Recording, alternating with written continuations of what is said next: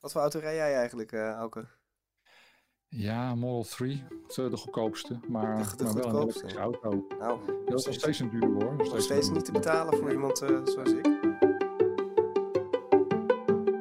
Een hele uh, goede uh, middag luisteraars, of goedemorgen of goede avond, of wanneer u deze podcast ook uh, luistert. dit is weer een nieuwe aflevering van de Wij Willen Zonnecast, een podcast over zonnepanelen van Trouw. Ik zit hier net zoals de afgelopen vier afleveringen aan de keukentafel bij Vincent Dekker, onze zonnepanelen columnist. En vandaag gaan wij het hebben over elektrische auto's. Ik, we hebben een speciale gast in de studio, de man die echt als ik Vincent in elk geval moet geloven, alles uh, van elektrische auto's, uh, het, het, meest van elektrische auto's in heel Nederland weet. Dat ja, is. Auke Hoekstra, programmadirecteur Neon aan de Technische Universiteit Eindhoven. We gaan het dus hebben over elektrische auto's vandaag. Maar eerst wil ik even weten, vanochtend mist het onderweg hier naartoe, naar Bergen. Ja. Wat, wat doet mist met jouw zonnepanelen? Uh, nou, wel wat hoor. Ja, ook wolken en mist in het algemeen, die houden toch wel uh, flink wat zonnestraling tegen. En dan krijg je veel minder stroom van je panelen. Hey, en in mei heeft het heel veel geregend. Is het een minder, minder zonnige mei? Ja, dat scheelt ook echt, want dan heb je natuurlijk ook weer de wolken erboven en zo. Zelfs het effect van de vliegtuigstrepen die voor de zon langs trekken, oh ja. merk je gewoon aan je opbrengst van je zonnepanelen. Dus... Ik, uh, ik, ik zei het al, we hebben Auke Hoekstra hier uh, in, in deze geïmproviseerde studio. Niet helemaal erin, hij zit uh, in de laptop op de vensterbank. Wegens de coronasituatie. Vincent heeft zijn eerste vaccinatie op het moment van opnemen inmiddels te pakken. Maar het was toch nog even makkelijk om dit op afstand te doen. Auke, welkom. Hoe is het? Dankjewel, het gaat uitstekend met mij. Ja, leuk om de aflevering te zijn. Een leuk om nu ook eens kennis te maken met Vincent. Wederzijds ook. Onze mooie column over zonnepanelen. Oké, jij bent hier omdat jij, ja, wat ik al zei, volgens Vincent alles weet van elektrische auto's. Hoe is dat zo gekomen? Ja, 15 jaar geleden, toen heb ik een sabbatical genomen. Omdat ik dacht van ja, internet, waar ik tot die tijd heel veel mee bezig was, dat loopt wel. Dat is niet meer echt een maatschappelijke uitdaging waar ik een grote bijdrage aan kan leveren. En ik had genoeg gespaard. Ik had 20 jaar lang zelfstandig geweest, consultant. Dus ik denk, ik neem een sabbatical en ik ga eens kijken hoe ik mijn leven meer zin kan geven, mijn tweede carrière. En toen kwam ik er eigenlijk achter dat zonnepanelen, windmolens, batterijen, water eigenlijk allemaal hele sympathieke, duurzame technologieën. Allemaal heel voorspelbaar goedkoper werden. Eigenlijk op dezelfde manier voorspelbaar goedkoper werden als ik van internet kende.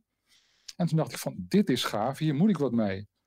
Maar toen dacht ik ook, ja, zonnepanelen en windmolens, dat is volgens mij, daar zijn al heel veel mensen mee bezig. Dus als ik daar probeer nu een naam te gaan maken of zo, dat is lastig.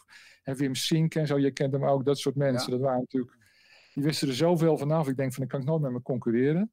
Maar elektrische auto's, dat was nog een beetje onontgonnen terrein. En toen dacht ik van, nou, als ik, en bovendien is het nog sexy ook natuurlijk, als je daar een boek boven gaat schrijven, dan, dan gaan mensen dat misschien wel lezen, dacht ik. Dus dat heb ik toen gedaan een boek over geschreven. Het is uitgegeven door Rijkswaterstaat. Want ik bleek toen de enige te zijn in Nederland die daar een beetje mee bezig was op dat moment. Dat was die uh, vinden. 15 jaar geleden, hè, zei je ongeveer. Zoiets van 13 jaar ondertussen, ja. 13, 14 jaar. Ja, ja dat was je echt een van de eerste. Ja. Hoeveel elektrische auto's reden er toen rond in Nederland? Ik, ik, ik, ik, ik weet het niet zeker, maar ik denk in de tientallen of zo. Ja, zoiets zal het zijn, ja. Ja, ja en, en ik kan me nog herinneren, de eerste auto waar ik bij betrokken was, was een jaar later of zo, denk ik. Uh, was een auto, toen zat ik ook bij uh, Urgenda op dat moment toevallig, uh, bij Marjan Minnesma, misschien kennen jullie haar wel. Ja, ja. En toen probeerden we de Think City naar, uh, naar, naar, naar, naar Nederland te krijgen, 500 stuks of zo, allerlei bedrijven te organiseren. Dat lukte niet erg, maar we waren ook bezig om met Enexis volgens mij toen, om te kijken of we een Volkswagen konden ombouwen. Okay. En toen moesten we uiteindelijk geloof ik twee ton neertellen voor alle batterijen. Maar toen hadden wij een Volkswagentje, een Volkswagen uh, Golf, omgebouwd naar iets wat 250 kilometer ver kon rijden en kon de champagne ja, ja. over.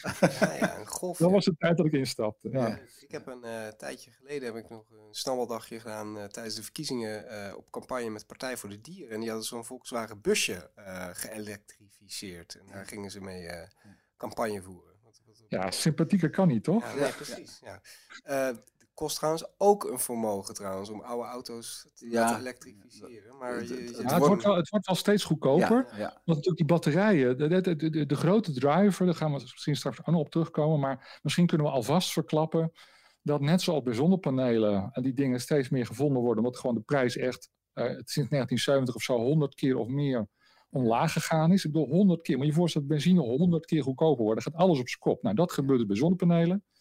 En bij batterijen een beetje hetzelfde verhaal tenminste. Uh, laatste, nou, minder dan 10 jaar, een beetje hoe je het meet, is de prijs gewoon een factor 10 naar beneden gegaan. Ja. Ja, dat maakt nogal wat uit. Dus ik denk dat over een tijdje, ik zou het zelf echt super gaaf vinden ook, ja, ik heb eigenlijk geen auto meer nodig, want ik heb die Model 3. Ik heb een Tesla Model 3, dat, dat, hoop ik eigenlijk te rijden tot, de, tot ze mijn doodskist erin kunnen zetten, zullen maar zeggen, en ik daarmee naar begrafenis gereden kan worden. Dat zou mooi zijn, dat zou ik leuk vinden. Dat lukt, weet ik niet zeker. Maar het zou heel gaaf zijn om bijvoorbeeld een, nog een oud autootje om te bouwen of zo. Dat je een beetje de, de magie van vroeger kan houden. Uh, en dat je daar dan de, de, de schoonheid eigenlijk in meerdere opzichten van, van nu in kan bouwen. Ja, wat, daar heb ik dan uh, zeg maar vijf jaar, zes jaar geleden al een keer over geschreven.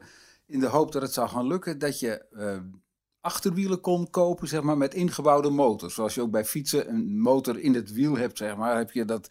Bij auto's kun je dat ook maken. En er was een Nederlands bedrijf, notabene hier uit Noord-Holland in de buurt, die was daarmee bezig.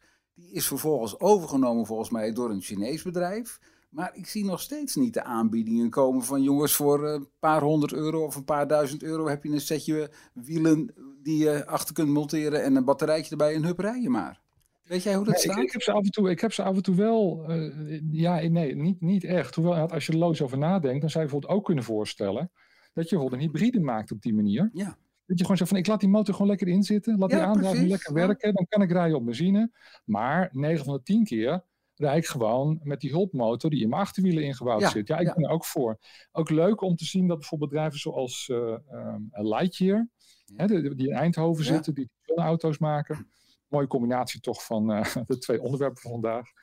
Maar die hebben ook motoren in de wielen omdat zij echt voor absolute maximum efficiëntie gaan. En daar kunnen ze net nog, net nog even een procentje extra efficiëntie uitpersen. Ja, maar je ziet over het algemeen dat um, uh, autobouwers heel bang zijn om de wielen zwaarder te maken.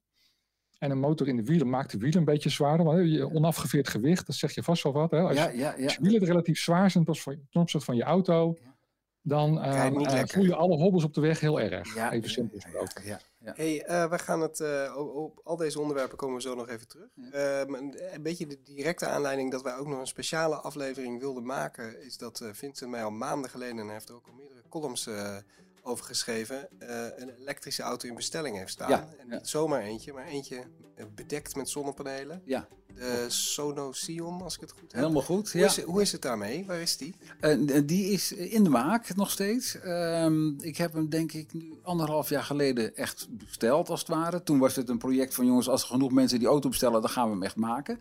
Nou, dat is gelukt. Er waren er genoeg mensen die dat wilden. Dat is net als de Nederlandse Lightyear One. Dat is een auto met allemaal zonnepanelen bedekt. Uh, de Sono Sion is dat ook, maar een heel ander marktsegment. Die wil voor 25.000 euro, zeg maar, een, nou ja, ik, noem het even de lelijke eend van uh, zeg maar 50 jaar geleden of zo maken. Maar in ieder geval iets zeg maar, wat ja, erg nieuw is en dan toch heel betaalbaar voor de meeste mensen. En hij wordt netter dan de lelijke eend natuurlijk. Dat is uh, veel luxer. Uh, tegenwoordig model kan je dat niet meer maken. Maar hij rijdt dan zo'n 35 kilometer op de stroom die hij op een dag van zijn eigen zonnepanelen haalt. Ja. En dat betekent dat als je naar Amsterdam wilt vanuit uh, zeg maar, uh, Rotterdam of zo, dan haal je dat net niet. Dus je moet gewoon ook een batterij in die auto hebben. Als je drie dagen stilgestaan hebt. Als je net drie dagen stilgestaan hebt, heb je drie dagen zijn motor en ja. batterij op kunnen laden. Ja. Maar dus het, het, gaat erom dat je een, een, redelijke batterij hebt, maar die hoeft dan iets minder zwaar te zijn dan de gemiddelde batterij voor een uh, normale auto, omdat je toch nou, binnen een paar dagen, zeg maar, je rijdt in Nederland gemiddeld 13.000 kilometer. Hè? Dus dat is eigenlijk heel weinig per dag. Dus gemiddeld staat die auto veel meer stil dan dat hij rijdt. En haalt hij dus veel zon op, of veel stroom uit de zon. En na een paar dagen, als je stilgestaan hebt, kun je zomaar weer 100 kilometer gratis rijden. Dus als, als over een paar jaar die zonnepanelen, nou wordt wat, uh, want we zitten nu op max 400 watt piek ongeveer. Uh, ja, voor commerciële zonnepanelen. Voor, voor, op daken, ja, ja. Voor op daken. Als dat nou uh, over twee jaar verdubbeld of verdriedubbeld is, dan zou je misschien het bereik, is dat zo simpel gedacht, dat het bereik dat is, van zo'n zonneauto... Zo hard gaat dat ook weer niet met die ontwikkeling volgens mij bij de zonnepanelen. Je krijgt wel panelen van 600 watt piek tegenwoordig, maar die zijn ook een stuk groter. Per vierkante meter is dat toch ongeveer hetzelfde hoor. Ja, oké. Dus Ja. eh, nee, Er zijn wel cellen die dan een grotere opbrengst hebben, Ja. maar die zijn zo onbetaalbaar. Ja. Dat ga je ook niet doen. Dat zijn van die, van die ruimte, ruimtecellen, zou ik maar ja, zeggen. Dus, dus En- een echte, echt zonneauto's in het straatbeeld, eh, zoals, eh, zoals die studenten van de TU. Delft. of- ja, en ook Eindhoven ook. Hè? Ja, Van die ja. zonneraces Ja. toen. eh, TU Delft winnen, winnen altijd de, de, de, we zeggen, de eerste race, Ja. waarbij je we zeggen, in zo'n licht mogelijke wagen in je eentje zo ver mogelijk komt. Dus die, Ja. die persen Ja. de meeste kilometers uit hun zonnepanelen, eerlijk is eerlijk. Ja. En de TU Eindhoven heeft nou drie keer achter elkaar, ze Ja. hou- houden nou een beetje mee op, heeft drie keer achter elkaar gewonnen in de gezinsautoklasse, zou ik maar zeggen. ah ja.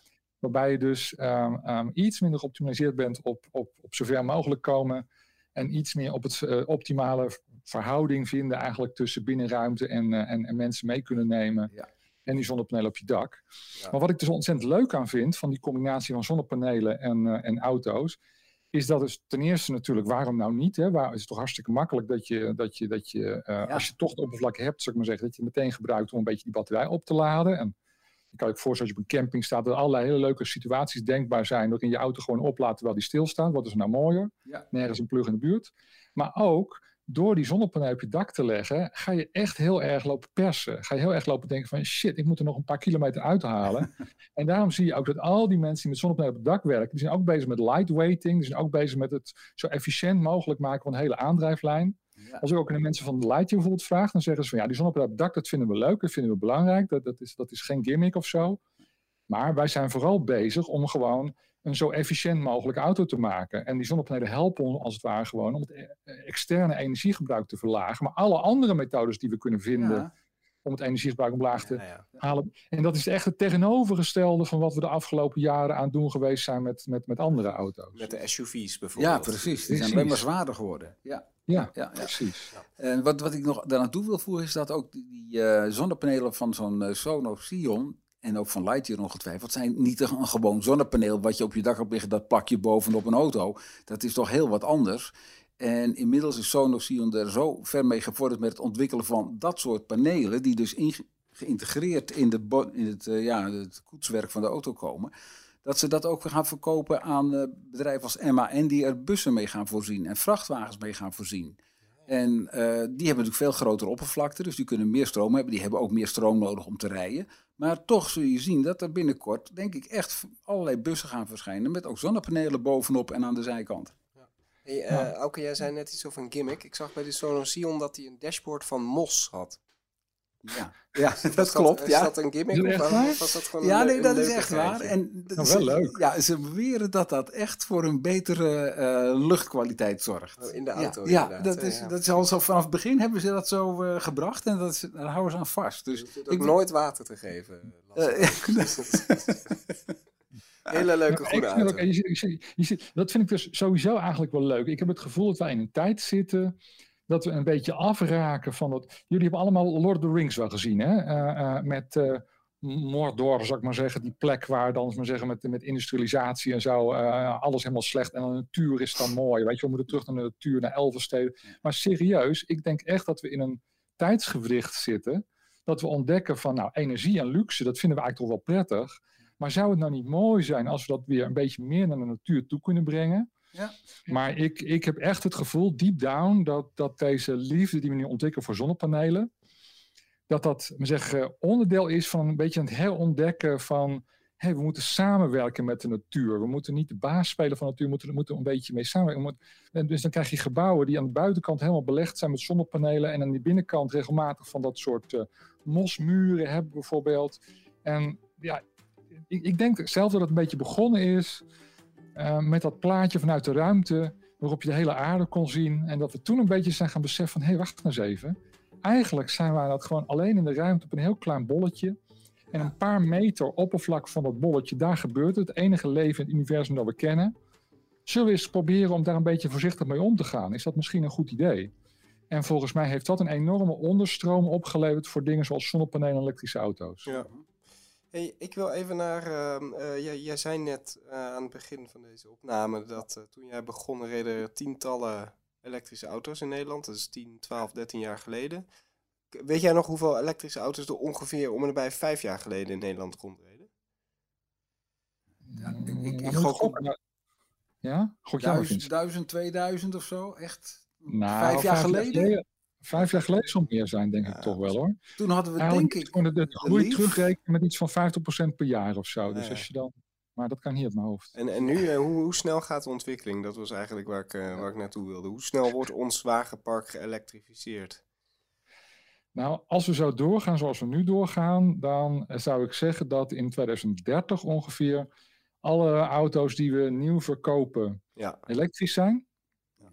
En alleen dan moet je niet overschatten. Dat betekent ook weer dat uh, de totale aantal auto's dat dan elektrisch is, is dan eerder in de buurt van 30%. Ja, precies. Want ik rij bijvoorbeeld ook in een auto van 15 jaar oud. En uh, ik denk dat veel mensen. Uh, ja. Hey, uh, ik kan mij nog goed een, een, een, beeld in de krant herinneren van, een, van ik denk twee zomers geleden, of drie zomers. Toen stonden er ook allemaal opeens allemaal artikelen van op vakantie met de Tesla, op vakantie met de elektrische auto. Maar er stonden ook wel eens foto's bij met een enorme uh, file van Tesla's voor de, voor de laadpalen bij zo'n uh, bij zo'n uh, tank, tankstation in Frankrijk. Ja. laadstation in Frankrijk. die infrastructuur is, is volgens mij pas echt de grote bottleneck. Um, hoe, hoe, zie jij dat? Um, op, op dit, nou ja, hoe is dat op dit moment in Nederland geregeld, die laadinfrastructuur? Zeg maar? Je hoort vaak van mensen, uh, mijn, mijn auto heeft een bereik van 500, 600 kilometer en dan kan ik tanken en dat is binnen twee minuten gebeurd. Een elektrische auto duurt het veel langer ja. om op te laden. Je hebt een minder bereik. Dus er komt ook nog veel meer, ik zeg nu gewoon even de clichés, er komt veel meer druk uh -huh. op die infrastructuur. Uh -huh. Uh, mensen hebben geen zin om uh, te wachten en dan ook nog eens koffie te drinken. Zullen, zullen we deze lijst van, uh, van de clichés eerst tackelen voordat ja, we hem langer maken? Precies. precies. dus um, het, is, het, is, sowieso natuurlijk in Nederland inderdaad dat ongeveer 60% van de mensen, 70% van de mensen heeft um, geen eigen oprit. Dus die is afhankelijk van publieke laadinfrastructuur om dat ding überhaupt te laden als hij stilstaat. Nou, zou dat nog kunnen veranderen in de toekomst. Maar op dit moment is het ook zo dat ongeveer 90% van de kilometers wordt geladen terwijl die auto gewoon geparkeerd staat. Parkeerladen, zeg maar zeggen. Ik kan ook langzaam laden noemen, maar ik vind parkeerladen een betere term. Want bijvoorbeeld mijn auto laat op in 5 seconden. Dat is namelijk de tijd dat ik bezig ben om dat ding, uh, die stekker erin te steken als ik thuis kom, zeg maar zeggen. En de rest van de tijd, I don't care, want ik wacht er niet op. Dus thuisladen, parkeerladen, zeg maar zeggen, um, daar moeten we van alles nog wat voor regelen in Nederland. We hebben veel publieke laadpunten. Op dit moment loopt de ontwikkeling van de nieuwe laadpunt weer een beetje achter bij de stormachtige groei van de elektrische auto's. Maar um, wij lopen internationaal gezien best wel ook weer een beetje voorop. Dus, dus ik zou niet willen zeggen van nou mensen eh, zeggen nu massaal hun elektrische auto's af omdat ze uh, ervaren dat er heel weinig laadpunten zijn. Dat, dat, ik bedoel, ik heb destijds twee jaar lang de, de, mijn eerste auto uitgesteld omdat Den Haag toen nog niet aan de laadpunten wilde en ik inderdaad anders niet kon opladen. Maar ik denk dat het tegenwoordig wel een stuk minder is. Internationaal, um, ja, het komt soms voor dat je moet wachten en dan kan het lang duren. Maar volgens mij, ik, doe, ik heb het een, een paar keer geprobeerd en ik heb nog nooit gewacht. Dus ik denk wel dat je, het, uh, dat je als fotograaf een beetje moet treffen, zal maar zeggen, om dat plaatje te kunnen schieten. Misschien heeft hij nog een dag gewacht uh, of twee dagen of zo. Ik weet het niet. Maar in, over het algemeen valt het echt best wel mee. En nogmaals, 90% van de kilometer uh, tanken mensen dus ja. want waar ze stilstaan. En, um, maar ja, het, het, het, het, is wel iets wat, wat geregeld moet worden. Gelukkig um, uh, is het natuurlijk ook heel erg in het belang van de autofabrikanten dat het goed geregeld wordt. Dus je ziet ook in Duitsland dat ze enorm zitten te, te drukken nu ja. op die laadinfrastructuur. Zeker Volkswagen, die er echt voor wil gaan, hè, voor elektrische auto's.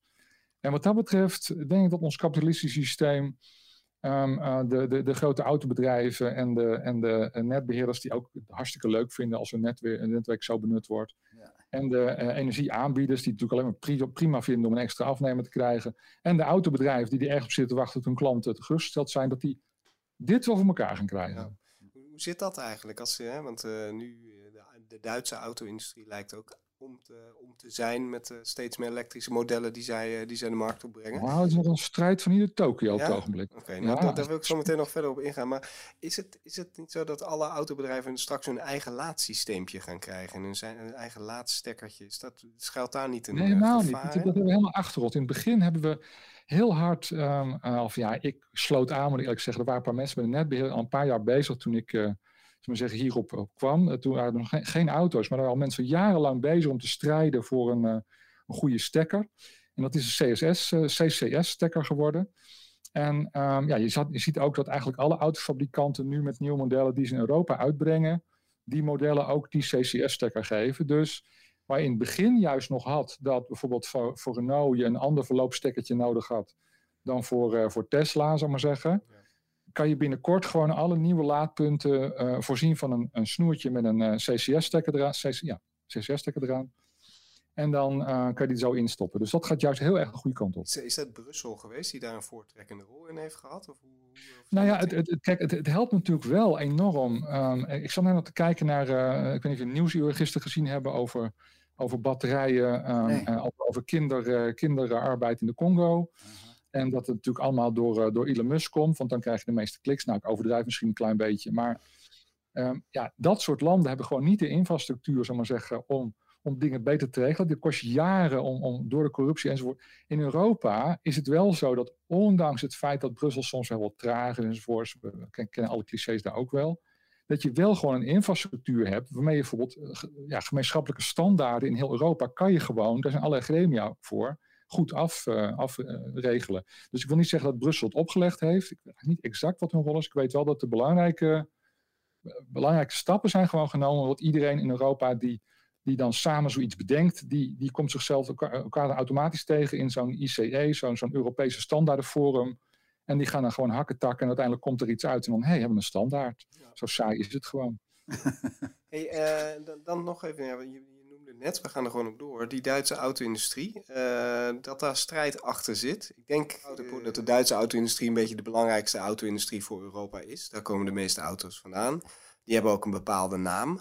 Um, die Volkswagen is meerdere modellen op de markt aan het brengen. Audi heeft natuurlijk al de, e-tron een tijdje rond, uh, rondlopen. Uh, Volvo, niet Duits, heeft ook gezegd dat ze vanaf 2030 alleen nog maar elektrische auto's op de markt gaan brengen. Mm -hmm. um, is daar nu een, een bepaald tipping point uh, al, al in bereikt? Of, of want jij, zei, jij noemde het strijd die erachter zit? Ja, de strijd is echt. ik, ik, weet niet of je het nog meegekregen want een tijdje geleden was er Aston Gate. Hadden wij daar nog een beetje uh, dat, dat, dat, dat een, een PR-manager van Aston Martin, zijn vrouw dan zogenaamd, whatever, bleek dan een rapport uitgebracht te hebben wat heel kritisch was over elektrische auto's. En, um, maar dat bleek uiteindelijk betaald te zijn door, en dan moet ik het even goed zeggen, Bosch, volgens mij. Oh ja. De leverancier van de, van de onderdelen. Uh, uh, want Bosch die verdient gewoon 90% van zijn inkomen op dit moment natuurlijk niet aan elektrische auto's. Um, um, en, en dat is een enorm grote speler. En uh, je ziet dat doorcijpelen. Een van mijn grote hoogtepunten van mijn carrière, wat mij betreft, was dat uh, de CEO van Volkswagen zegt: Naar deze manier moet je luisteren. Toen ik een van die, uh, van die anti-EV-rapporten ja, ontkracht had, had hij toen op LinkedIn en op Twitter. En dat geeft gewoon aan dat inderdaad die man ook op zoek is in feite naar steun van buiten. Om zijn eigen bedrijf te kunnen overtuigen dat die elektrische auto echt een goed idee is. En die, die, die, die probeert dus ook Merkel eigenlijk zover te krijgen dat ze hem steunen, zodat hij zijn eigen bedrijf over kan halen. Maar ja, laten we wel wezen, de, de Duitse auto-industrie, of eigenlijk de Duitse ingenieursmentaliteit, heeft eigenlijk uh, ja, misschien wel voor de grootste doorbraken gezorgd de afgelopen honderd jaar op het gebied van de auto. Elke keer hele slimme dingen te doen met auto's en met uh, verbrandingsmotoren. En daar zitten gewoon nog heel veel mensen die gewoon ja, eigenlijk een beetje droevig en, en, en, en ongelukkig worden van het idee dat die verbrandingsmotor nou helemaal afgedaan heeft. Ja. En die vervolgens zich realiseert dat de honderdduizenden banen nu uh, uh, bestaan bij de gratie van het feit dat we die, die, die, die vorige generatie auto's verkopen.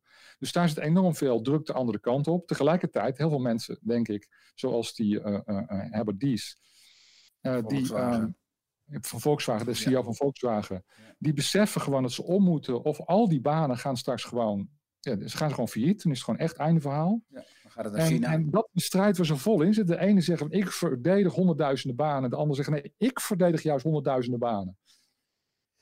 Ja, volop ja, strijd. Ja, het lijkt mij dat uh, op de bestuurskamers in Wolfsburg ook wel de realisatie is dat, dat de olie opgaat en uh, dat ze wel om moeten. Omdat het is geen ja, dat is heel erg lange termijn. Olie opraken is heel erg lange termijn. Hè? Ja, ja maar het, het, lange termijn. maar het is niet echt een groeimarkt, lijkt me nog dieselauto's bijvoorbeeld. Nou, Diesel zeker niet, lijkt me. Die worden uit, uit de steden geweerd en zo al. Ja, dat is dus een van de grootste inderdaad klappen. Ik denk zelf dat Volkswagen onder andere deze, deze ommezwaai kan maken. Omdat de tik die ze gekregen hebben voor de diesel dermate gevoelig was. Dat het toch wel een soort van zo'n gevoel van shit, we moeten iets anders. Tot en met zo gevoelig dat een aantal managers nog steeds bang is dat ze de gevangenis in moeten en zo. Hè? Zo gevoelig. Ja, ja. En dat doet wel wat met het bedrijf hoor. Als, als je ineens je oude business line, als dat ineens tot criminele veroordeling voor, voor jou en dan kan je ineens geen, geen eten meer, of tenminste dan kan je ineens de, de college van je, van je kinderen niet meer betalen. En zo. dat soort dingen, het gaat echt hard tegen hard op het ogenblik. Nou, lijkt het mij uh, ook nogal moeilijk om zo'n enorm bedrijf als Volkswagen of BMW of Mercedes uh, eigenlijk opnieuw uit te vinden. Tegelijkertijd komt er zo'n slimme Amerikaanse Elon Musk voorbij, die kan uh, van beneden af aan beginnen. Is die achterstand van die grote molochen, die grote automolochen in, in Europa, is dat nog in te halen die ze hebben op een Tesla bijvoorbeeld? Dat is altijd een goede vraag, want ik heb ook heel veel in het telecom. Dus met, ik kan nog in het eerste project wat ik deed bij KPN toen reserveerden we 5% voor die irritante internetmodems. Maar dan moest ik echt uh, shoo de komende 10 jaar. Moest ik echt shoo de deur uit. Want ja, uh, internet ging natuurlijk helemaal nergens over. En het laatste project wat ik daar gedaan heb was All IP. Mm -hmm. Hebben de laatste restjes analoge technologie, maar zeggen, de deur uitgeveegd. En uh, ja, je, je, ziet ook bij, bij, bij, bij die grote bedrijven dat die aan de ene kant ook wel snappen van het elektrisch, dat is de toekomst. Maar aan de andere kant is het ook nog heel klein, zullen we maar zeggen. Dus ja, dat is heel erg lastig. En is het veel makkelijker, dat zagen we daar ook, als je een greenfield bedrijf, bijvoorbeeld niet zoals KPN, waar ik dan zat, maar die bijvoorbeeld alleen nog maar internettechnologie maakt, Cisco of zo, noem maar even wat. Ja. Dan, is, dan is het leven makkelijk. Je hoeft niks van je eigen markt aan. Maar toch denk ik dat die autofabrikanten wel een hele goede kans maken, net zoals uh, Telecom trouwens, KPN nog steeds bestaat, omdat er komt bij het maken van een auto wel echt heel erg veel meer kijken dan die motor en die batterij. Eigenlijk is het ingewikkeldste van het maken van een auto, is zo'n hele supply chain weten te managen. En die duizenden onderdelen, uh, tienduizenden onderdelen die je nodig hebt voor een auto over de hele wereld, om die op het juiste moment, op de juiste plek, bij de juiste aandrijf, ju juiste uh, plek in je, in, je bedrijf, zou zeggen, laten landen, zodat dat goed in elkaar geschroefd kan worden. En um, ja, oké, op batterijen hebben ze een enorme achterstand nu opgelopen, hoewel batterijen is ook voor een belangrijk deel toen nog Panasonic en zo. Dus een gedeelte Tesla en een gedeelte is dat gewoon batterijleveranciers, waar Tesla ook weer gebruik van maakt. En die auto zelf, ja, die elektromotor, daar is eigenlijk niet zoveel ingewikkelds aan. Dus als je zegt van ja, mijn IP is, ik weet hoe je elektromotoren bouwt, nou veel succes om daar een voorsprong mee te houden, want kind kan de was doen. Dus ik denk eerlijk gezegd dat als je gewoon goed bent in het maken van auto's, dat die switch naar elektrisch best wel te maken valt. Dus ik, ik, ik heb er wel hoop, hoop op, eerlijk gezegd. En misschien ook de, misschien zeg ik dan iets, iets heel geks, maar de, de, de uitstraling van een BMW of een Mercedes, die nemen ze natuurlijk wel mee. Die Deutsche Grundlichkeit tegenover, ja, met alle respect, ik heb ook wel eens in een Tesla gezeten. Het zit toch niet zo lekker als een, uh, als een, als een, als een BMW. Ja, gesproken als een ware BMW-bezitter natuurlijk.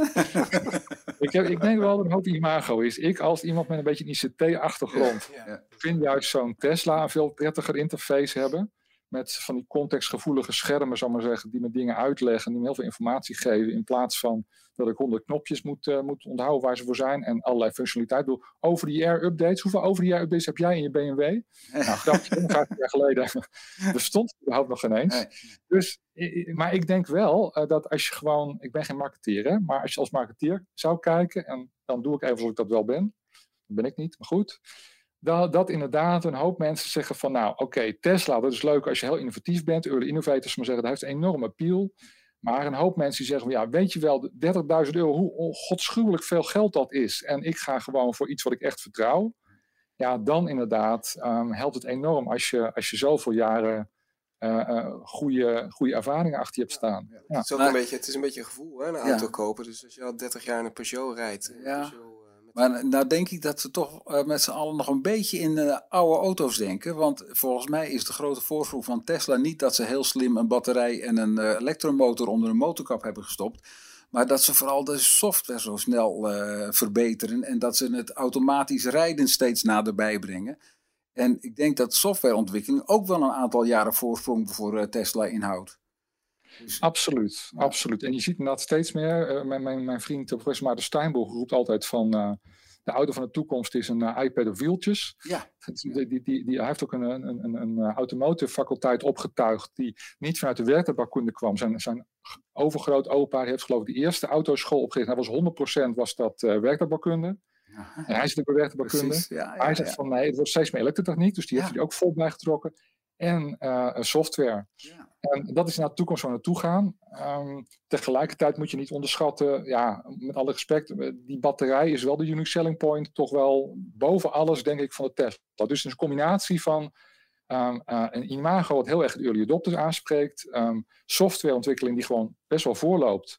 Dat spreekt die early adopters ook aan. Ja. En dan gewoon zorgen dat je in feite de beste en goedkoopste batterijen er nog in kan jassen. Ja, dan heb je wel een mooi product. Ja, ja. En misschien ook, uh, naar mijn eh, volgende puntje toe. Enig, enigszins betaalbare elektrische auto zou misschien ook voor hè, iemand als ik met een uh, starter salarisjes fijn zijn. Uh, ook waarom zijn die dingen zo duur? Um, de reden is heel simpel. Um, Nee, weet je wat? Ik ga het toch ingewikkelder maken. Twee redenen. De eerste reden, verder de belangrijkste reden, is gewoon de batterijkosten. Batterijkosten zijn echt een factor 10 naar beneden gegaan in de afgelopen 10 jaar. Ja, dat gaat nog verder. Eh, en dat gaat nog verder. Die, gaat nog een, een, een, een, een, Ik verwacht de komende 10 jaar geen, geen factor 10 naar beneden meer, maar wel een factor 2 op zijn minst. Misschien wel 3. En tegen die tijd um, uh, ga je dus echt zien dat ook in aanschafprijs, dus de meeste uh, uh, mensen die er echt verstand van hebben, zeg ik er maar even bot. Uh, niet alleen mezelf, maar ook wel Bloomberg Energy Finance zitten daar best wel heel diep in te, te, te, graven. Zeggen in 2030 zal in de meeste autosegmenten zal een nieuwe elektrische auto gewoon goedkoper zijn in de aanschaf dan een brandstofauto. Maar um, uh, we zijn op een geleidend pad daar naartoe. En nu is het nog zo dat um, ze in veel segmenten duurder zijn. Daar zit ook een reden achter. Dat is de tweede reden dat je gewoon R&D... Je, je hebt in eerste instantie beginnen met iets nieuws. Uh, die andere motor maken ze al 100 jaar. Die BMW-motor voor jou, dat uh, hoeven ze echt niet meer uit te vogelen. Hoe ze die grotendeels in elkaar zetten. Het zijn al punch op de i, nieuwe modellen ontwikkelen. Heel mooi, heel prachtig. Maar grote lijnen is het een geoliede machine, zal maar zeggen, die BMW's produceert. En hier moet het nog helemaal, moet het wiel nog een beetje worden uitgevonden. En dat heeft ook een kostenaspect. En tenslotte toch nog even, um, het is vrij logisch al bij nieuwe producten dat je boven in de markt begint dat je dan afdaalt. Dat zie je ook bijvoorbeeld cd-spelers, zag je dat ook. Hè? De eerste cd-spelers die kosten een paar duizend euro en waren voor de echte audiofielen, zal maar zeggen. En uiteindelijk ja, was een cd-speler gewoon tien keer zo goedkoop als een, uh, als een platenspeler. Nou, datzelfde traject zit hier ook. Dat heeft niks te maken met het feit dat Tesla per se een auto voor, dure, voor, voor, voor rijke mensen wil maken. Sterker nog, vanaf het begin hebben ze gezegd, ons doel is juist een goedkopere auto. Is bij hun een goedkopere auto wel beetje, beetje Volkswagen Golf, dat vinden ze al een hele goedkope. Ze gaan niet de Sono, Sono Motorsmarkt, zou maar zeggen. Die dus, nee. uh, dus we moeten het uiteindelijk denk ik hebben van uh, fabrikanten uh, zoals Volkswagen of misschien ook wel Chinese en Indiase fabrikanten. Die wat mij betreft een veel belangrijker markt gaan aanboren van echt uh, goedkope auto's. Want ik ja. geloof ook in auto delen en, en veel kleinere auto's, maar dat is een ander verhaal. Maar die, die combinatie van die twee dingen, plus het feit dat je eerst de dure segmenten bedient, zorgt ervoor dat je nou naar die dure elektrische auto's kijkt. Maar dat is echt tijdelijk. Maar, maar mag ik dan toch even vragen, jij noemde wel even China. Ik denk dat daar in China heel veel goedkope auto's worden ontwikkeld. En dat zijn hele kleine autootjes, stadsautootjes. Nou, die zijn voor Nederland en andere Europese dichtbevolkte landen ook best interessant al. Maar uit die hele goedkope stadsautootjes komen zometeen ook hele goedkope 15.000 euro uh, gezinsautootjes, zal ik maar zeggen. Zoals de Japanners en de Koreanen ons op een gegeven moment in de jaren 70 hebben overspoeld met relatief goedkope benzineautootjes. Denk die nog dat beter is... waren ook. Sorry voor ja, de Ja, ja, ja, ja. Bij auto heb je Toyota misschien toch nog betrouwbaarder. Precies, precies. Toyota is natuurlijk niet voor niks de grootste ter wereld geworden. Samen met Volkswagen ongeveer op dit moment, maar toch. Ja. Uh, ik denk dat de Chinezen ook hun ogen hebben laten vallen op uh, groot te worden met elektrische auto's. En die en gaan ons overspoelen. In China, en in China is ook gewoon, uh, hebben, hebben ze allemaal niet die legacy, hebben niet die die, die, die nee. melancholische hang nog naar ja. de uh, brandstofauto's die in Duitsland wel hebben. Dus ja. inderdaad, ik maak me eigenlijk voor, uh, voor de, de, de, grootste concurrentie van de, van de Duitsers, eerlijk gezegd, denk ik, is niet zozeer uh, Amerikanen zoals, zoals, zoals Elon Musk. Ik, ik ben inderdaad bang dat de ja. grote concurrentie gaat komen uit China en vlak ook India niet uit. Nee, want precies, daar, die, die lopen een beetje, als het ware loopt China een beetje achter op, uh, op Japan in zekere zin. Maar ze hebben het wel overvleugeld ondertussen, omdat ze gewoon uh, uh, nog extremer zijn in, in, in gewoon heel goedkoop um, dingen kunnen bouwen. En dat doen ze ook steeds beter. Gewoon. Ze lopen als het ware achter op beter zijn. Ja. Maar ze lopen voor op goedkoop en, en, snel kunnen schalen. Ja. En ik denk dat in India ook dat die wat achterlopen op China nog. Ja. Maar dat die nog um, meer een focus kunnen hebben op goedkoop. Ja. en de Chinezen hebben met Volvo ook een soort van Trojaans paard al in Europa rondrijden. Al met Tesla ook. We bedoel, dat gewoon een Tesla-fabriek nu in China en ja, zo. Ja, ja. Maar je, je, ook India heeft dus met Jaguar bijvoorbeeld, hè, zo'n merk. En die ziet de Jaguar I-Pace, is een, enigszins betaalbare, zeer luxe auto. Afschuwelijk lelijke auto is dat. Dat vind jij. Er zijn heel wat mensen die kennelijk er anders over denken. Ik had heel veel discussies op internet over, op Twitter, met mensen die zeiden van nou, als je een Model S of een I-Pace moet, uh, moet kiezen, nou dan weet je het wel. En dan bleek inderdaad uit de respons dat bijna iedereen wist het. Maar, uh, en het was heel uitgesproken, maar het was ongeveer half om half. Oh, dus de helft wist, wist zeker dat je dan een iPace kost. Je was toen helemaal achter dat je zo'n Tesla Model S kocht. En, of, of, of, zelfs een X kocht. Dat, ja, dan, moet je, dan moest je toch echt wel helemaal gek zijn. De andere helft zei was een iPace. Zo'n zo mastodon. Zo gadverdamme. nee, het moet natuurlijk een Tesla zijn. Dus... Mo, mo, volgens mij kunnen we over mooie elektrische auto's nog een aparte podcast uh, aflevering opnemen. Nog, maar toen de Tesla Model S net uitkwam, mensen Toen was de consensus, was de consensus dat het een soort Aston Martin was en dat die heel mooi was. Ja, dus 90% ja. van de mensen zei dat. Jij vond dat waarschijnlijk niet, maar... Nou ja, Aston Martin, nou ja, Nogmaals, uh, een aparte aflevering erover te maken. Ik wil nog heel even door op, op, uh, op dat kostenaspect. Um, ik denk eigenlijk dat de meeste mensen in de landen natuurlijk een occasion kopen. Uh, Klopt, twee In Nederland. Ik kan me voorstellen dat veel mensen dat toch een beetje tricky nog vinden om nu een tweedehands Tesla te kopen. Omdat er nog niet zoveel bekend is over de noem maar wat, levensduur van de batterijen en zo. Ja, nou ja, klopt. Wat je ziet in de, in de tweedehandsmarkt, is daar een leuk bruggetje naar wat ik vergeten was te vermelden. Uiteindelijk moet je natuurlijk kijken naar de total cost of ownership. Dat is eigenlijk de, de, de, de volwassen manier om naar te kijken. En juist mensen die tweedehands auto's kopen, die weten dat als geen ander. Die weten van hè, de aanschafprijs van dit ding is, is maar de helft van, uh, van wat die drie jaar geleden was. Toen die, toen die nieuw in de winkel stond, zou ik maar zeggen. Dus tweedehands uh, ga je meer kijken naar total cost of ownership. Maar je weet tegelijkertijd ook van die Jaguar. Ja, die is wel heel vet. En die tien jaar oude Jaguar kan ik misschien wel kopen voor een bedrag wat helemaal binnen mijn budget ligt. Maar ik loop leeg op het onderhoud. Dat weet ik nou ook al. Ik mag elke paar maanden naar de garage toe en dat wordt allemaal elke keer heel erg duur. Nou, het leuke van elektrische auto's is natuurlijk dat vooral als ze in de aanschaf, als je die helemaal gehad hebt, die nog vrij hoog is, dat ze dan uiteindelijk in onderhoud veel goedkoper worden, maar ook vooral in energie veel goedkoper worden. Gewoon, je hebt vier keer zo weinig energie nodig. Elektriciteit thuis kost ongeveer evenveel als benzine per kilowattuur, per maat van energie, met vier keer zo weinig nodig. Dus veel goedkoper. Uh, dus tweedehands elektrische auto's zijn op zich juist ongelooflijk gave deal. Want de, de, de, de prijs, zou ik maar zeggen, de nieuwprijs, we halen gewoon de helft af van het, totaalbedrag, zou ik maar zeggen. Maar je maandelijkse kosten gaan nauwelijks omhoog. Terwijl je bij een gewone auto dat die maintenance bij een oudere auto wat omhoog gaat. Dus heel interessante categorie, maar nauwelijks te krijgen. Zo simpel is het gewoon. nog specifieker, als je dan kijkt naar wat voor auto's mensen willen, dan willen ze natuurlijk een auto met een beetje range. Dat is het grote toverwoord bij, auto, bij elektrische auto's. Ze moeten genoeg bereik hebben. En eigenlijk een bereik van boven, laten we zeggen 350 kilometer, dat blijkt in de praktijk voor de meeste mensen uitstekend te kunnen. Maar als je bijvoorbeeld een bereik hebt, wat ik met mijn eerste uh, Leaf had bijvoorbeeld, die had een bereik van ongeveer 140 kilometer in de zomer en 100 kilometer in de winter. Ja, dat is echt wel vaak billen knijpen en een hoop, uh, een hoop uh, ja, dat is gewoon waar niet blij van.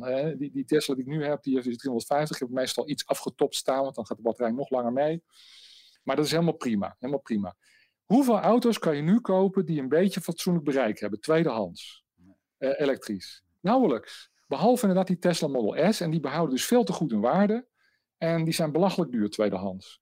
Dus we moeten gewoon echt, er helpt geen lieve moeder aan dat is nou eenmaal een beetje inherent aan tweedehandsmarkt. We moeten wachten tot al die eerste handjes verkocht zijn. En dan moeten we nog vijf jaar wachten. En dan pas hebben we een tweedehandsmarkt. Ik heb nog een ander aspect van tweedehandsmarkt. Uh, um, ik heb het idee, ik heb zelf drie, vier jaar geleden een nieuwe auto gekocht, maar dat was ook een tweedehands. Heel bewust. Uh, want ik dacht van over vijf jaar ga ik elektrisch rijden ongeveer. Schatte ik mm toen in. En dat blijkt inderdaad in de praktijk ongeveer zo uit te pakken denk iemand die nu een, tweede, een nieuwe uh, benzineauto koopt, die weet eigenlijk al dat over een vijf, zes jaar die benzineauto misschien niet meer het centrum van Amsterdam in mag. En nu al niet meer het centrum van Madrid in mag. Dus die tweedehands waarde van zijn benzineauto wordt over vijf jaar eigenlijk wel gewoon heel mager. Dus uh, als ik dan toch over vijf jaar misschien een nieuwe auto koop en dat wordt een elektrische, dan kan ik nu beter een tweedehandsje kopen, benzineauto. Want ik durf het nog niet aan. Of, dus ik denk de nieuwmarkt voor de benzine. Daar precies over denken. Ja, ja. De, de, de nieuwmarkt voor benzineauto's gaat de komende jaren gewoon kelderen, denk ik. Instorten. Ja, dat zie je nu al met diesels. Dat diesels kelderen wat harder en verliezen meer hun waarde, zal maar zeggen, dan een paar jaar geleden. Ja omdat iedereen een beetje de buis hangen. Ze zijn gewoon niet, niet, niet, niet zo populair meer, zou ik maar zeggen. En dat, dat, ja, dan is een tweedehandsmarkt is dat enorm belangrijk. Als mensen gewoon door, weet ik veel welke site je hebt, heen te kijken. En denken dan toch bij de diesel van ja, ja, ja, ja. En daar gaat de prijs, zou ik maar zeggen. Plus het feit dat je natuurlijk Dieselgate, dat dat, dat, dat, dat ook de eerste uh, waarschijnlijk gevallen zijn die uit de binnenstad geweerd gaan worden en dergelijke. Dus inderdaad, ja, we praten bij fossiele um, grote installaties vaak over stranded assets. Ja. Maar ik denk dat voor individuen, voor, voor, voor huishoudens, dat je inderdaad heel erg op moet passen. Dat je uh, fossiele auto, als je die nieuw koopt, zal maar zeggen, niet een beetje stranded asset is. In de zin van dat die veel sneller afschrijft dan je gehoopt had. Ja. En andersom dus zie je nu al dat als je een nieuwe elektrische auto koopt, dan weet je eigenlijk vrij zeker dat die over vijf jaar nog steeds vrij, vrij in een vrij krappe tweedehandsmarkt uh, geleverd gaat worden. En dat er een hoop mensen geïnteresseerd zijn dat die zijn waarde heel goed zal behouden. Dus als je nou slim bent, dan zou ik gewoon 30% afhalen van de verwachting die een boekje leest. Wat de, wat de verkoopwaarde zal zijn over vijf jaar als je hem verkoopt.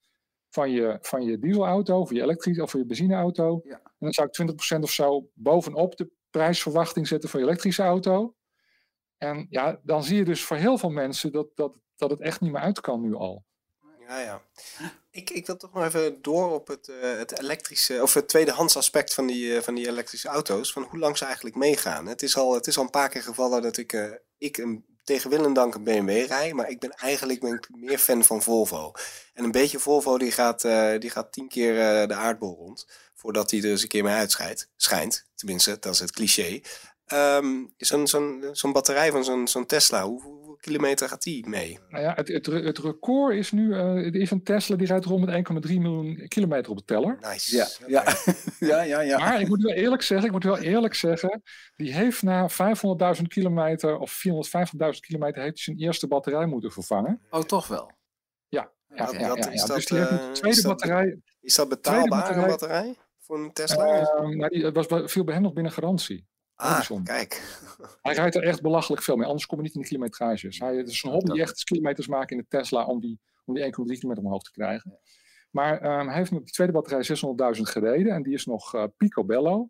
En wat we zien, en Maarten Steinboeg heeft ook een hele mooie blogpost over. Die heeft een heleboel uh, ervaringen van Tesla-rijders verzameld in een mooie Excel-sheet. En dat is eigenlijk de beste informatie die we hebben, publiekelijk. Okay. Over hoe lang gaan die batterijen nou eigenlijk mee. En de verwachting is nu een beetje dat ze nog 80% van hun eh, capaciteit over hebben. En dat is eigenlijk best wel, best wel prima te doen hoor. Ja. En na 600.000 kilometer. Ja. Die dus die Volvo van jou gaat echt concurrentie krijgen. Ja, maar, misschien kan je straks een elektrische Volvo kopen. Dan kan je het gevoel. Nou, kan, kan nu wel. Helemaal mooi als dan zo'n batterij in zo'n Volvo komt te zitten natuurlijk. Ja? Uh, dan gaat het uh, interieur ook nog een beetje, een beetje lang mee.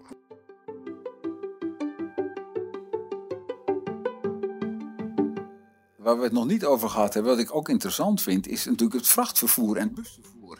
We denken oh allemaal dat vrachtwagens uh, heel veel kilometers moeten kunnen maken op een dag. En dan is het uh, opladen van de batterij geen doen. En sowieso heb je dan voor duizenden kilo's aan batterijen nodig voor zo'n vrachtauto. Maar ik, ik persoonlijk denk dat het best wel eens mee kan vallen. Ik zie nu al dat allerlei bussen hier in de buurt rijden elektrisch op batterij elektrisch. En niet op waterstof bijvoorbeeld. Nee, gewoon op batterij.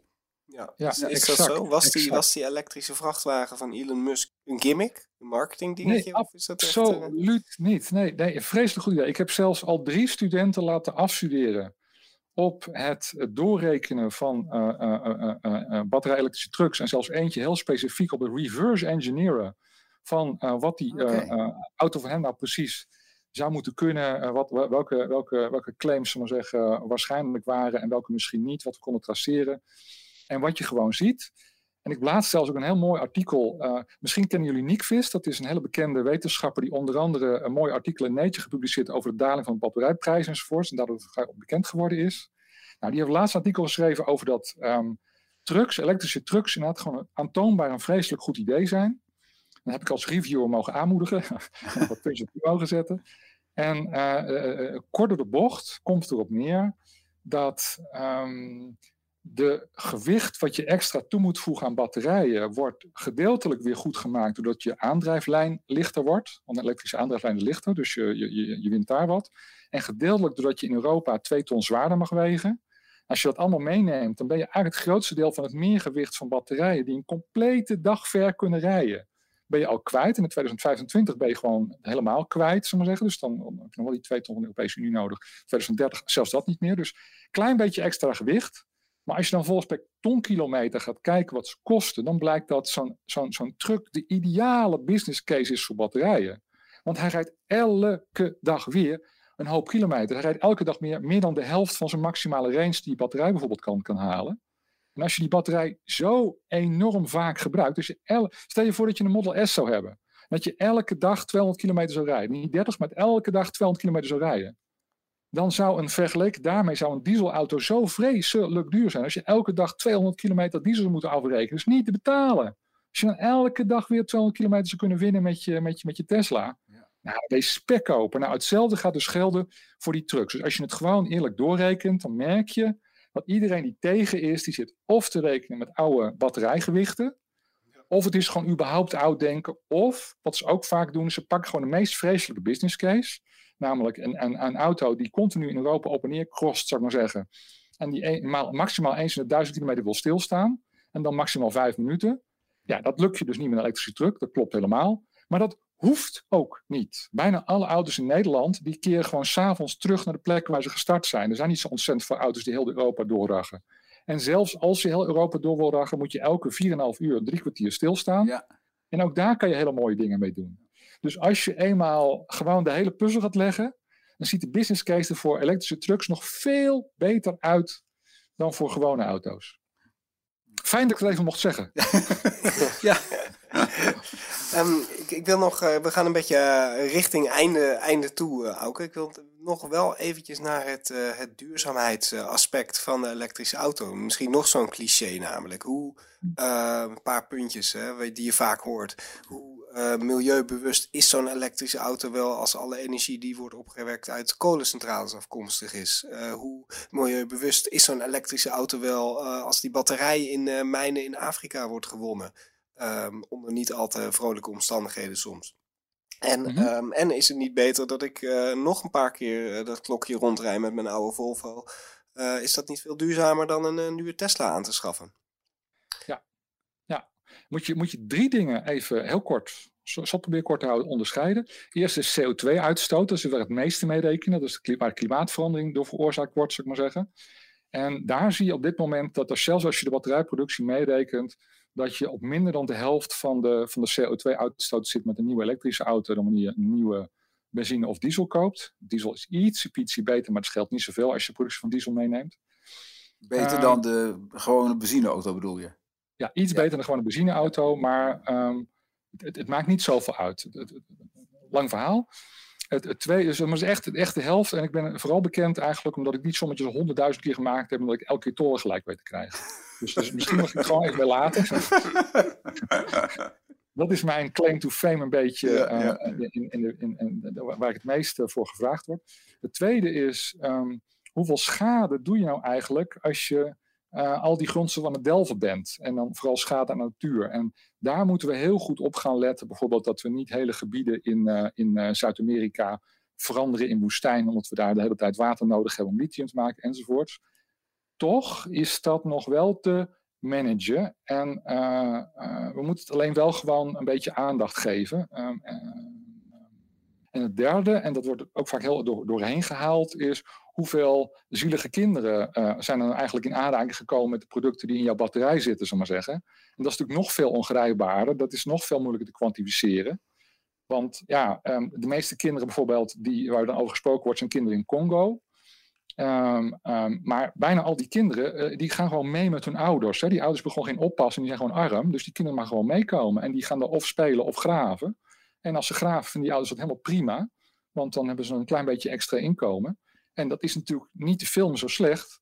Maar aan de andere kant, ja, als je het allemaal weg zou halen, zou het echt goed zijn. Wat het een heel sterke beweging is om te zeggen, we doen alles in keurige mijnen die al hun briefjes goed voor elkaar hebben. En dan kan je met heel weinig mensen kan je heel veel um, koper en, en, en, en, en kobalt enzovoorts delven in Congo. En dan um, is het probleem alleen dat er geen enkele, uh, nauwelijks euro's terechtkomen bij de mensen, de, echte, de meest armen die het echt nodig hebben. Want het is daar zo, zo, zo corrupt als de pest. Dus je hoeft echt niet te denken dat als je geld betaalt aan de regering, dat het terechtkomt bij, bij de mensen die het echt nodig hebben. Dat gaat gewoon voornamelijk in de zakken van een beperkt aantal mensen. Dus je kan kiezen of het gaat in de zakken van bedrijven of het gaat in de zakken van corrupte ambtenaren. Of je kan toch maar proberen om een klein beetje zo goed als het kwaad als het gaat. Um, die artisan minds, zoals ze dat noemen, die mama, papa, um, en samen graven we een beetje en dan verdienen we nog wat. Om dat iets beter te maken. Maar dan ga je dus continu op je bordje krijgen, jij werkt met kinderarbeid. Ja. Laten we samen vooral proberen, en dat, ik denk echt dat dat kan, om die hele aanvoerlijn beter te maken. En dat moet ook. Maar er zit geen enkel probleem dat wat inherent onoplosbaar is. En um, eigenlijk denk ik ook dat er heel weinig mensen mee gebaat zijn als je heiliger gaat zijn dan, dan Roomse gaat zijn dan de paus. Dan kan gewoon alleen een paar bedrijven worden dan heel rijk en heel veel mensen worden heel arm. Nog even terug naar het eerste punt over CO2. Wat mensen vaak denken is van, uh, ja, mijn uh, auto rijdt op stroom, hartstikke mooi, maar die stroom die komt uit de kolencentrale hier vlak om de hoek, bij wijze van spreken. En in Duitsland of Polen bijvoorbeeld heb je eigenlijk de meeste stroom van die kolencentrales en die zijn hartstikke vuil. Dus ja, ik, eigenlijk stook ik uh, vuile kolen in mijn auto.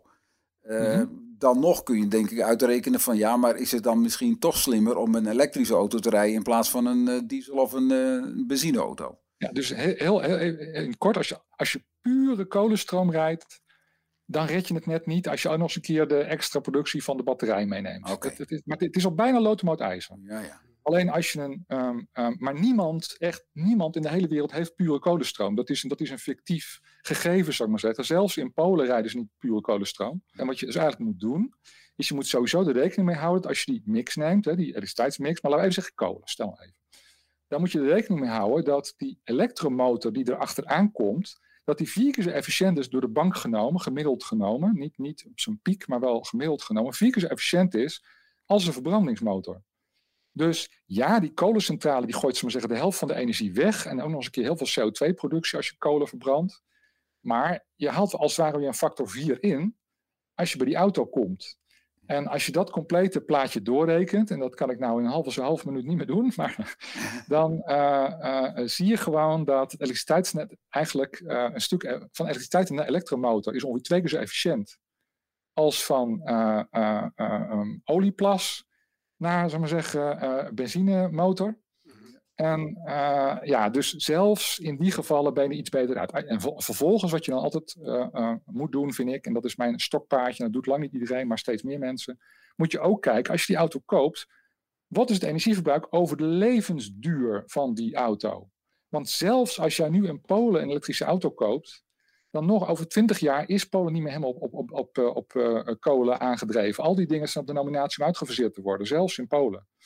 Dus als je nou over de hele levensduur kijkt, dan moet je eigenlijk proberen een best guess te maken van die, van die mix waar je op gaat rijden over de levensduur. Dan mag je best wel conservatief doen, maar je moet het niet gewoon doen alsof, alsof de wereld altijd zo zal blijven zoals nu is. Ja, en dan wordt het helemaal positief. Ja tot slot, Auke, wat, wat zie jij als, als belangrijkste, als grootste um, uitdaging in de, in de zo snel mogelijke elektrificatie van het uh, Europese wagenpark? Wat, wat, wat, moet er gebeuren om het nog sneller te laten gebeuren? Um, nou, wat, ik, wat ik zou willen, je, je vraagt verschillende dingen en wat ik zou willen kiezen waar we op moeten focussen. Volgens mij moeten we focussen op het zo goed mogelijk uh, duurzaam maken van die productie. Want dat kan gewoon, dat is helemaal niet zo vreselijk moeilijk zelfs. Alleen dat is op dit moment valt nog helemaal buiten de boot. En als we dat nou geregeld hebben, als we nou geregeld hebben dat elektrische auto's straks op zon en wind rijden. En ook nog eens geproduceerd worden op zon en wind. In mijnen waar uh, kinderen niet uh, voor hun leven hoeven te vrezen. Dan hebben we echt iets moois bereikt met z'n allen. En dat kunnen we gewoon bereiken. Daar ben ik van overtuigd. Uh, dat is een mooie, mooie noot om daarop uh, te eindigen. Uh, Auke Hoekstra, onderzoeker aan de TU Eindhoven, hartstikke bedankt voor jouw tijd en voor je, voor je inzichtvolle bijdrage. Vincent Dekker, ook weer bedankt voor je tijd en voor je koffie vooraf. het is jammer, Auke, dat jij daar niet op de zonne-energie koffie... Ik heb ook zonne-energie koffie. Ja, ja. Okay. Ja, heeft die zonne-energie koffie. luisteraars, bedankt voor het luisteren. Dit was de Wij Willen Zonkast over elektrische auto's. Ik wens jullie nog allemaal een zonnige dag.